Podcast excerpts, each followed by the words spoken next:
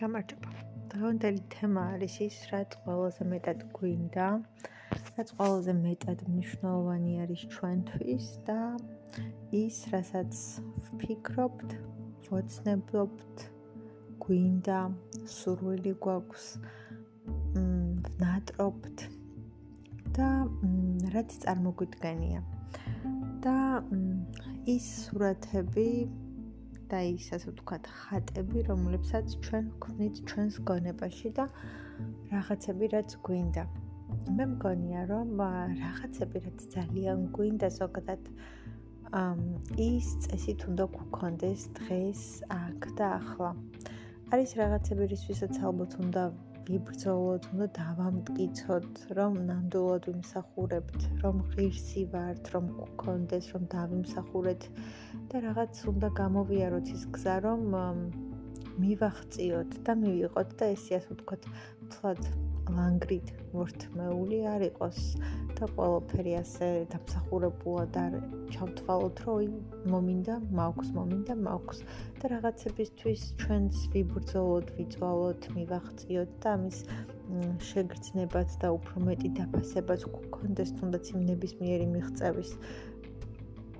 მაგრამ არის რაღაცები რაც ჩვენ ახლა გვინდა აქ და ახლა და ეს რაღაც შეიძლება არ გვინდოდეს 20 წლის მერე. ან 20 წლის მერე შეიძლება გქონდეს, კი გაგვიხარდეს, განაცოდი იყოს, მაგრამ აღარ გქონდეს ის ხალისი, ის ემოცია, ის განწყობა, ის სიხალისე და ის რაღაცნაირად ახალგაზრდული დამოკიდებულება და სხვა სიხარული, რომელიც მხოლოდ შეიძლება ამასაკში იყოს. მ მაგალითად გვინდა გვინდა ძალიან მოგზაურობა.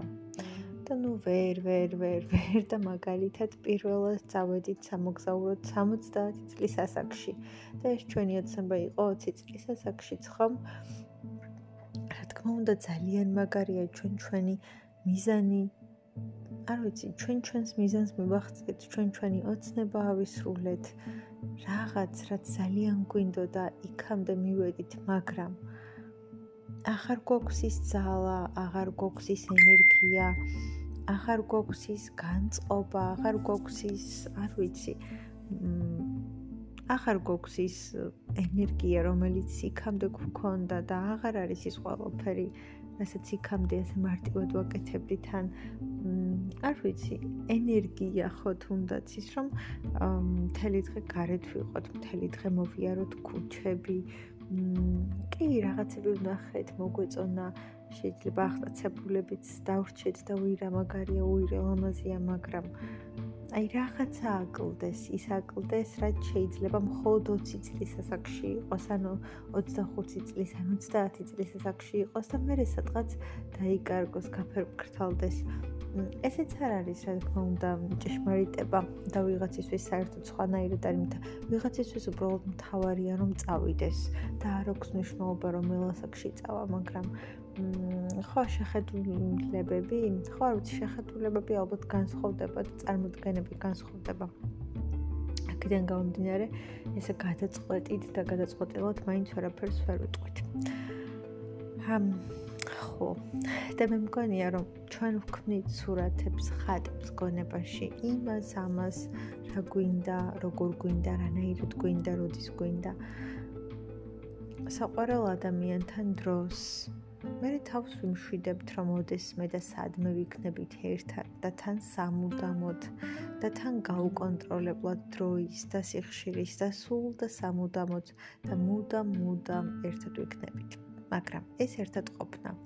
ეს ტკბობა მე აქ და ახლა მინდა ამ წამს მინდა და არა მერე არა 10 20 წლის მერე როცა უკვე დაუბერდები როცა არ იქნება ის ძალა და ის ენერგია ის ხალისი ის სიგიჟე და ის სიშმაგე. მე არ მინდა ეს მარადისობა. გაურკვეველი და გაუგებარი მარადისობა. მე დღეს მინდა და დღეს მინდა შენთან ყოფნა და ეს საუკეთესო გამოვლინებაა ჩემი ცხოვრების და მე ახლა და აქ და ზუსტად ამ ცხოვრებაში მინდა შენთან ყოფნა მე ზუსტად აქ და ახლა და ამ ცხოვრებაში მინდა და მსურს შენთან და შენთან ყოფნა. არა ხვალ ან ზეგან, მაზეგან, გაურკვეველ მარადისობაში ან სხვა ცხოვრებაში, უბრალოდ აქ და ახლა. ახლა მინდა შენთან და ახლა მინდა შენთან ყოფნა და ვინმეს არჩევანის უფლება რომ მოეცა. მაშინ რას ვიზამდი? ან რას ავირჩევდი? რას ვარჩევდი? რას გავაკეთებდი? შენთან ყოფნას, ყოველი დღით ტკბობას შენთან ერთად, რაც ჩემი იქნებოდა და იქნება, რასაც ბოლომდე შევიტკბობდი და არა საუკუნო ამბებში. მოკლედ. იმის თქმა მინდა რომ არის რაღაცები, რაც გვინდა, რაც გვინდა აქ და ახლა.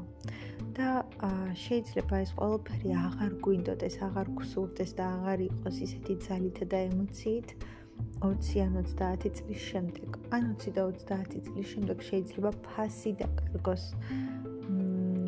ფერები გაუხუნდეს, ისეთი სურვილი აღარ იყოს, ისეთი ენერგია აღარ იყოს და ის ყველაფერი რაც გინდა აქ და ახლა, აქ და ახლა გინდა და ის რომ დღეები, რომლებსაც ამ ყოველფრის garaშე გაივლი და გაატარებ, მაინც რაც არ უნდა იყოს დაკარგული დღეებია, გამოტოვებული დღეებია.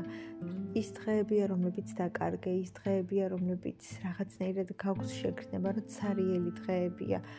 უბრალოდ გაიარე და გაატარე მარტო იმისთვის, რომ იქამდე მისულიყავი.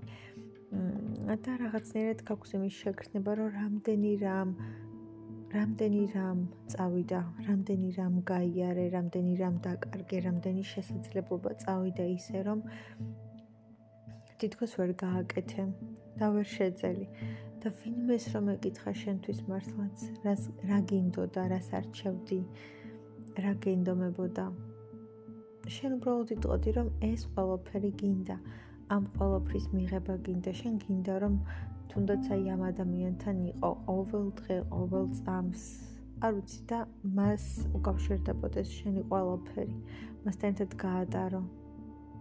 ან რაღაც კონკრეტული მიზანი, რომელიც გაქვს აი ამის მიღწევა გინდა.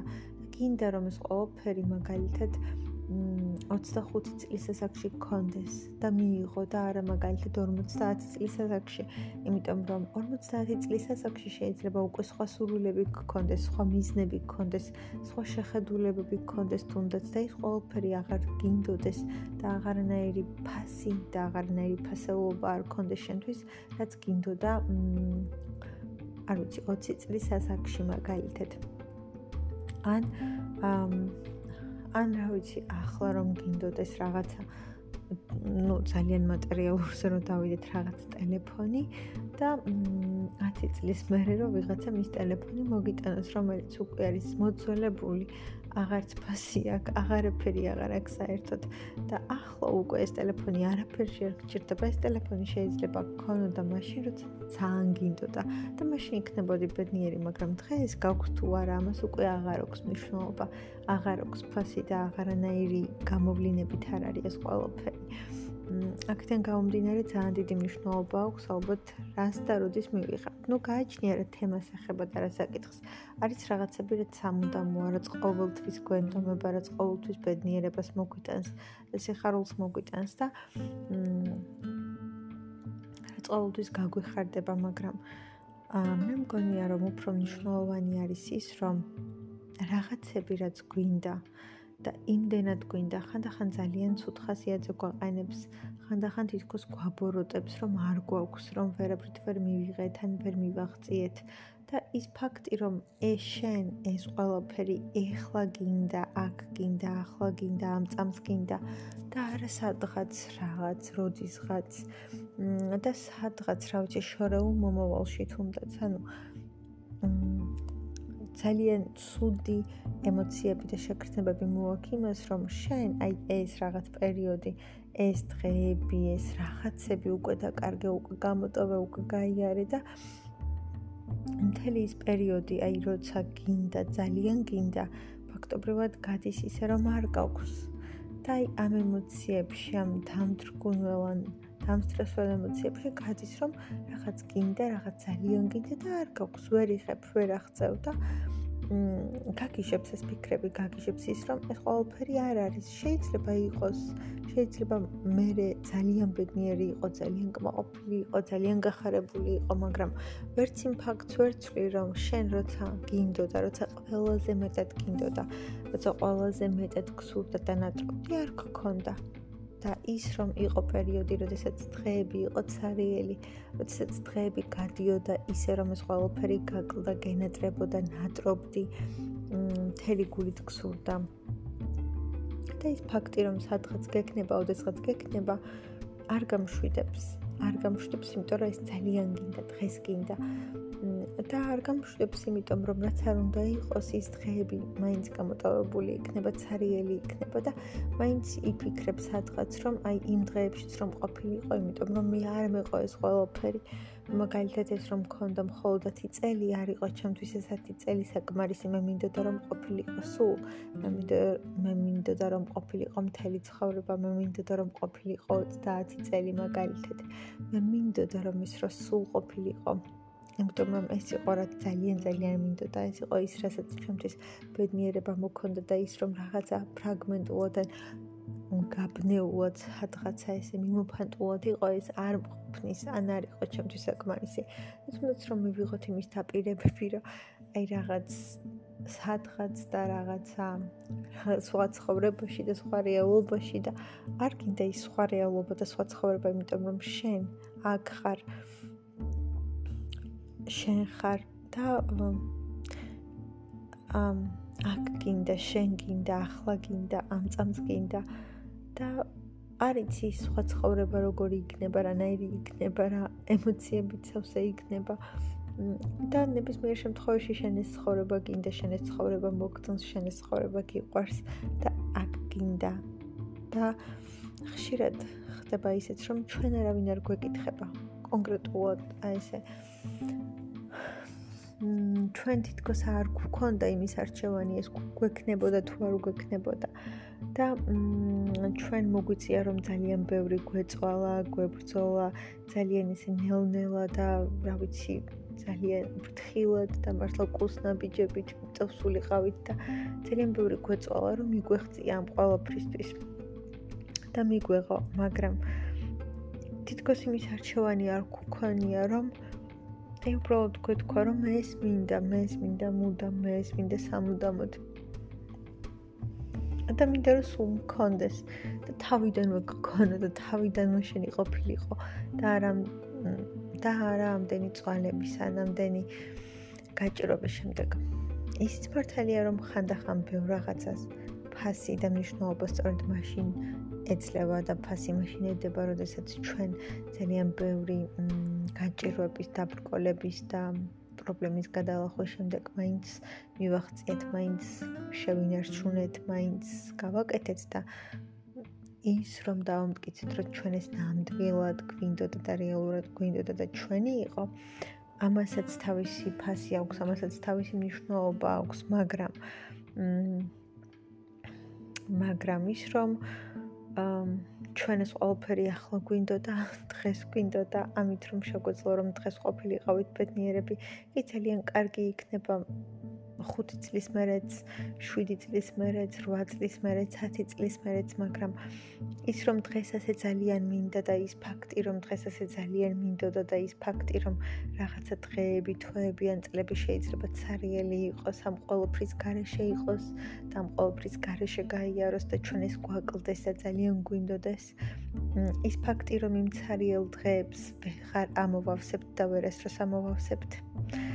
და ის ფაქტი, რომ ჩვენი ცხოვრება ისედაც ხანმოკლეა და გააჩნია ამ ფაქტს, როგორ შევხედავთ, თუ შევხედავთ, რომ აი მთელი 100 წელი, ანუ ეს 100 წელი ძალიან გრძელია და თუ ყოველდღიურობას გავითვალისწინებთ, რომელიც ხანდახან ძალიან მიიწელება, მიიზლაზნება და ნელა გადის, მაშინ ალბათ ვიტყვით, რომ ოუ ღმერთო, ეს რამდენი რაღაცა დროა და რაღაც მსგავსი, მაგრამ თუ მეორე კუთხით შევხედავთ ამ ყველაფერს, ანუ თუ იმ კუთხიდან შევხედავთ, როდესაც უკვე სადღაც ბოლოში გახარ და უცბად გადმოხედავ ყველაფერს და მეხვდები, რომ ღმერთო, სად გავიდა ეს დრო, როდის გავიდა, სად გამეპარა, სად გავიდა ამდენი წელი, სად გავიდა მთელი ჩემი ცხოვრება და უცბად მეხვდები, რომ მთელი ეს ცხოვრება და ამდენი წელი და მთელი ეს დრო და რაღაც წლები, დღეები იმ ყოველფრის garaშე გავიდა, იმ ყოველფრის garaშე იყო, რაც ჩვენ ყველაზე მეტად გინდოდა, რაც ჩვენ ყველაზე მეტად გჭირდებოდა, რაც ჩვენ ყველაზე მეტად გსურდა და რისკენაც ყველაზე მეტად მიდიოდი.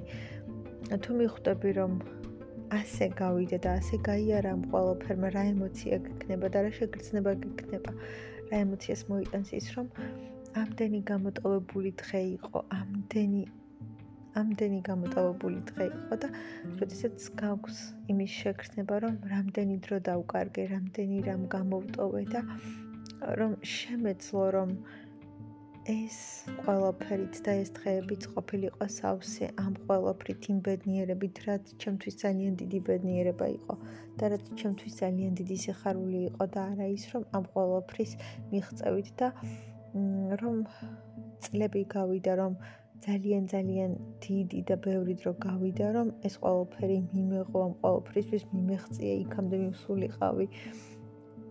კი ყველაფერს თავის ფასი აქვს, თავის მნიშვნელობა აქვს, მაგრამ ხანდახან ის ფაქტი, რომ რაღაცა არ გვაქვს, რაღაცასთან ვერ მივდივართ და ვერ ვახწევთ და ის ფაქტი, რომ სადღაც მივახწევთ და მივიღებთ და წლების მერე იქნება, არ გვამშვიდებს.